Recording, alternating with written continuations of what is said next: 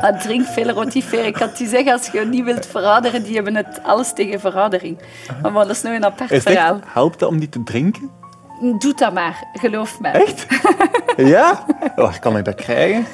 Korstmossen. Je pakt gewoon korstmossen van bomen, mossen van op straat. Overal zijn rotiferen. Rotiferen vinden, ga die in je tuin, je pakt een beetje mos, Ja. je zet daar water bij onder een microscoop en je gaat zien, je gaat wat- waterbeertjes zien, heel coole organismen, Ja. wormen Ja. en rotiferen. Want dat zijn de dieren, en dan nog andere eencelligen en zo, maar dat zijn de dieren die in van die omgevingen kunnen leven, zoals korstmossen op bomen, Ja. die continu uitdrogen. Er kunnen niet veel dieren in overleven. En dan kunnen die beginnen kweken en drinken. En, eh, En hoe kweekt u die dan? Gewoon met wat te water. Wij geven die sla.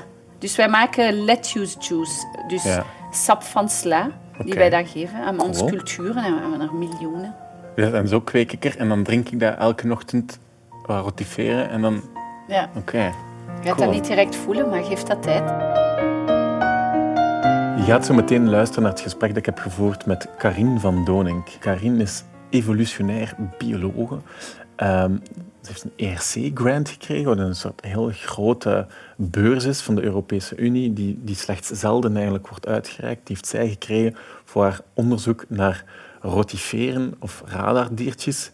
Ehm, als je er niets van weet, dan klinkt het niet cool. Maar als je er een beetje over begint te lezen, dan wordt het heel snel heel cool. En als je haar aan het woord hoort over haar onderzoek, dan wordt het eh, vuurwerk. Wat vond jij van het gesprek, Tom? Ja, dat. jij- ik vond dat vrij leuk. Ik, ik werd er zelf heel enthousiast van om jullie zo enthousiast te horen. Jij Ja. werd zo hongerig naar kennis de hele tijd, van Ja. vertel meer, vertel meer. En zij kan het ja, daar op een heel, op een heel leuke manier allemaal vertellen. Die ja. droge, droge wetenschap. Ja, Ehm, en wat ik ook cool... ah, Het, het gaat dus heel hard over die radar, en lang over die radardiertjes. maar het is super interessant.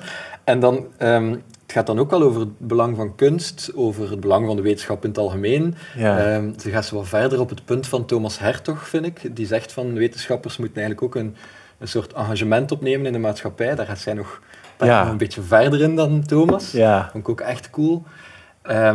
En ook het ethische eh, aspect eraan vond ik leuk. Dus eh, het gaat er maar heel kort over, maar het is, mij vrij, het is blijven hangen bij mij.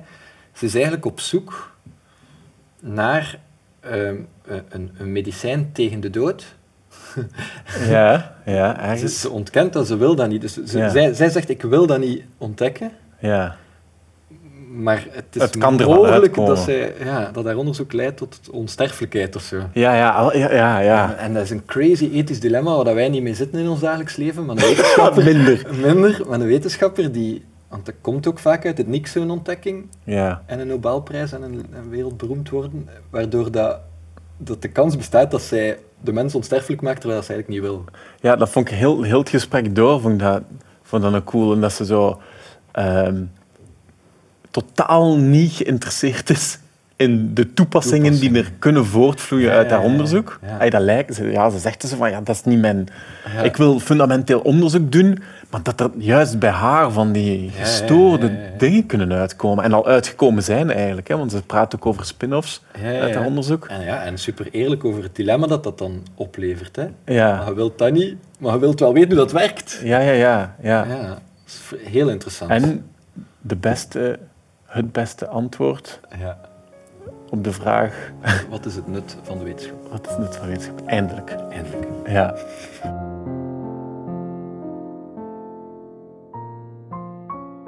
Zeg, je, hebt, je hebt ook getennist, hè? Je hebt hey, Ja. lang en prof, hey, goed getennist. Ja. Tegen Justine een eigen tennist, denk Ja. ik. Ja, gewonnen? Ja. Ja? Naar het ziekenhuis gestuurd. Nee. Ja, omdat dat was, ja, zij was natuurlijk veel te goed voor haar, haar, ehm, Haar leeftijd. ja, in haar jeugd. Dus ik weet niet, ik denk dat ze een wildcard had voor een, voor een damestoernooi. En dat was eh, een, een van mijn eerste matchen, maar dat was, ik stond in het begin achter, omdat ik daar zo onder de indruk van was van hoe die speelde. Maar ja, er was nog altijd wel dat krachtsverschil. En, en dus op de duur begon ik wel te winnen. En ik stond, maar ik weet niet meer hoeveel ik voor stond, maar een moment...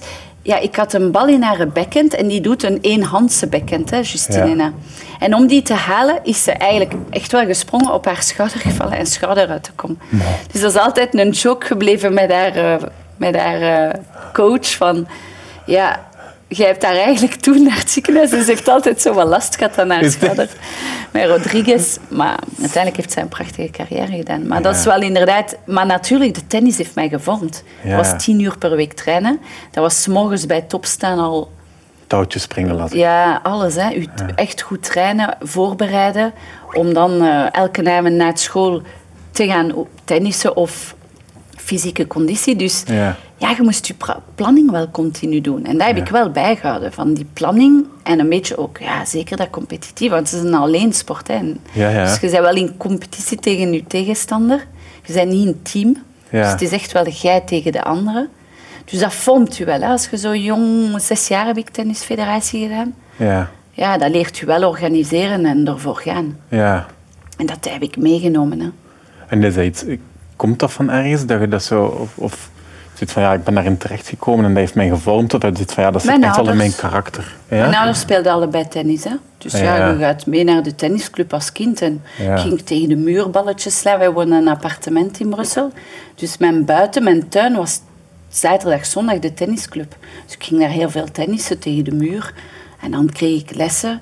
En ja, als je veel speelt, dat is ideaal Mhm. om jong goed te kunnen spelen. Dus dat is zo... Ja. Dan een moment deed ik toernooien, omdat ze mij inschreven, mijn ouders. En mijn tennisleraar zei toen, Dominique Morin, van... Ja, schrijft u in toernooien en dan doet je dat. En de federatie komt eigenlijk kijken. Hè. Ja. En plots kreeg ik een brief in de brievenbus. Je bent geselecteerd om te komen op een selectiedag van de federatie. En dan ga je op die selectiedag. En dan, ja, dan speelt je en dan zeggen ze plots, oké, ja. Je zei, ik heb nog die brief in 2000... Oh, wanneer was dat? Ik was tien jaar, dus 86 waarschijnlijk. Ah, ja. Ben 1986. ik geboren. Ja. Oei, dat moet ik wel laten. En toen kreeg ik die brief, ja, je bent geselecteerd. En ja, dan ga je daarvoor. Dat is precies zo'n grote eer. Je denkt Ja, daar niet bij na. Je, je gaat ervoor, hè. ja, en dan droomde je daar ook van? Dat was dan, dan zo in die tenniswereld ook, dat je zo naar de match keek en dacht van daar wil ik ooit staan of zo? Of, Ik keek heel veel zo? naar tennis. Ja. Dat was Ja. een passie toen. Ja, of ik echt nu zou zeggen... Bijvoorbeeld, mijn ouders hebben wel heel goed gedaan. Die hebben mij nooit van school veranderd. Ik ben altijd wiskunde Latijn en wiskunde wetenschap blijven doen. En dat was wel een vereiste. Van als je je studies minder goed gaan, dan stopt je tennis. ja, dus ergens zat er wel een schikking in, zo van dat is de Ja, ja. prioriteit. En Ja, het dus blijft... je moet wel studeren, want je kans in tennis, dat weet je niet, is Mhm. misschien niet groot. Maar je moet wel zien dat je studies hebt, dat je altijd een andere weg uit kunt. En dan ben ik wel dankbaar, want uiteindelijk, Ja. ik heb het niet gemaakt en dat is heel moeilijk. En Maar ik misschien weet had ook het niet wel ik... gemaakt als je minder hard had gestudeerd dan... Nee. Nee? nee, ik denk echt niet als ik zie iemand als Ena of Kleisters, die hebben echt meer talent. Ja. Een stukje talent, zelf, hey, zelfvertrouwen, willen. Dat is veel hè, om, om op dat hoog niveau. Maar ik denk niet dat ik dat had wat zij hadden. Nee. Niet erg, hè. Maar... Nee, nee, nee, je hebt ook coole dingen gedaan. Ja, ja, ik ben heel blij. Ik ben heel blij met mijn evolutie, mee. dus ik vind dat niet erg. Was uw Nee. papa ook geen vicevoorzitter van het CERN? Ja, hij is fysicus, hè. Ja. En hij heeft eh, lang op, ja, op die, al die deeltjesversneller op CERN gewerkt. Dus dat is een gepassioneerde wetenschap. Ja. Dus daarvan zal het komen, mijn passie voor de wetenschap. Dus die, ja, die heeft een mooie carrière. Nu, nu is hij op pensioen, maar... Hadden hier Thomas Hertog een paar weken geleden op bezoek. De fysicus die zo met Stephen Hawking Ah, ja. heeft gewerkt lang. Ah, fysici wij zijn wel niet zo simpel om mee te praten per se. Hè. Nee, dat kan ik bij dat dat Dat was mij- Ja, ik denk dat hij dat nog wel goed kan uitleggen eigenlijk. Voor, eh, hij kan het wel nog heel mooi uitleggen voor niet-fysici. Ja. Begrijpbaar maken. Dat is wel iemand die dat goed kan. Dus, eh, Maar het is niet dat pad dat je gekozen hebt. Het is niet Nee, ik vond juist fysica niet interessant. Maar Nee? misschien om juist niet in dat pad van mijn vader. En mijn vader Ja. zei altijd, maar biologie, dat is geen wetenschap. Is dat die dat? Ah ja, voor hem was dat niet zo'n niet zo'n wetenschap als fysica of wiskunde, chemie. En, Waarom niet dan? ja, ik weet niet, dat is zo meer life sciences, is al begrippen van de fysica en de chemie toepassen. En hij zag dat niet als biologie. Fundamentele als, wetenschappen. ja, nogthans, dat is evolutionaire biologie is een vrij complexe, complexe materie. Ja, als eigenlijk ik- met patronen van vandaag eigenlijk de evolutie terug proberen te herconstrueren. Dat is, Ja. dat is vrij complex, met alle modellen die daarin in bestaan. Is dat wat de biologie vandaag, de evolutionaire biologie, zo probeert te doen? Is het te, te retracen, terug te keren naar... Maar je probeert een aantal dingen te begrijpen ja, van, Ja. van het verleden ook. Hè. Bijvoorbeeld, Ja, van waar komen we? is ook al een belangrijke vraag in evolutionaire biologie. Van waar komen we? Wanneer is het leven ontstaan?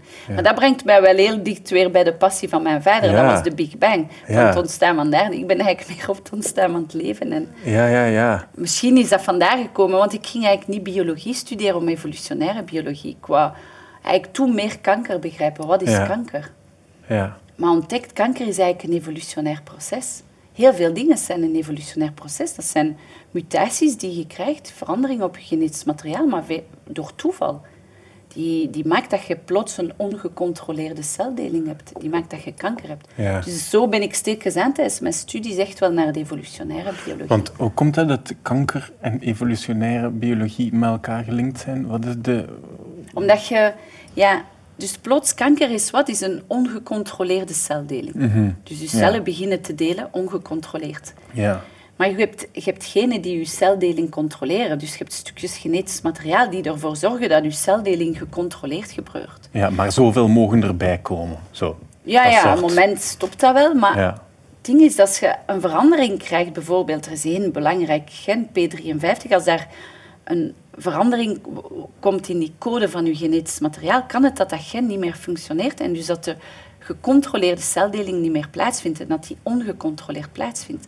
Maar mensen kijken, kanker is een ouderdomsverschijnsel, maar soms krijg je kanker uit toeval.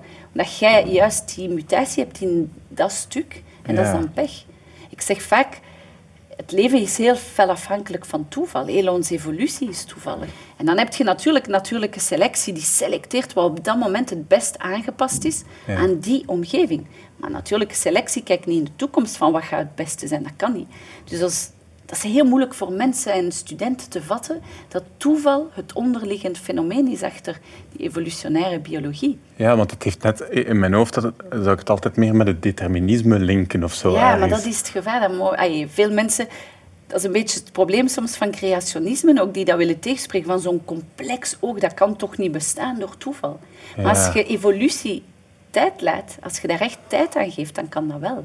Maar dat is een lange termijn. En ik vind dat onze maatschappij toeval en lange termijn vaak niet genoeg plaats geeft. En voor mij is politiek ook een voorbeeld. Politici zouden veel meer lange termijn moeten denken, zeker vandaag de dag.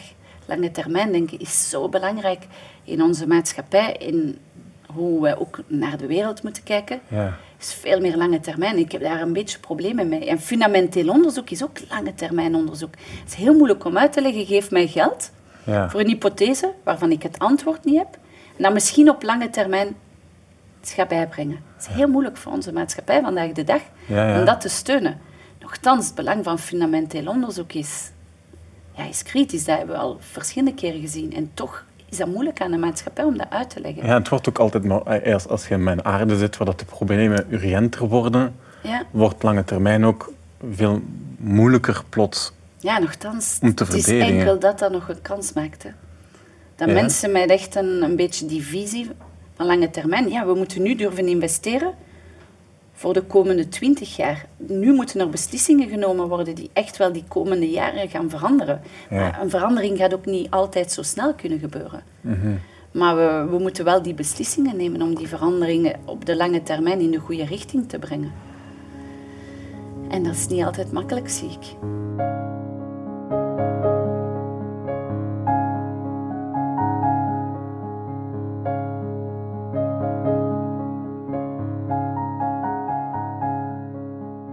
En dan ben jij bezig met, wat is het, rotiferen? Ja. Ja, Of het radardiertjes. Ja, die dus eigenlijk, als ik het goed begrepen heb, asexuele wezens zijn, als in ze planten zich voort, of ze, ze- ja, planten zich voort zonder seks te hebben.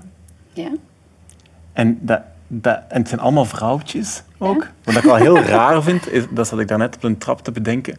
Hoe kunt je weten dat het allemaal vrouwtjes zijn als er geen mannen zijn? Goeie vraag, maar het is heel duidelijk. Dus het zijn dieren. Dus het zijn meercellige dieren. Het zijn superkleine diertjes, die raderdiertjes. Typisch kleiner dan een millimeter. Ja. Maar hoe weten we dat vrouwtjes zijn? Omdat zij gewoon vrouwelijke geslachtsorganen hebben. Dus zij hebben duidelijk eierstokken.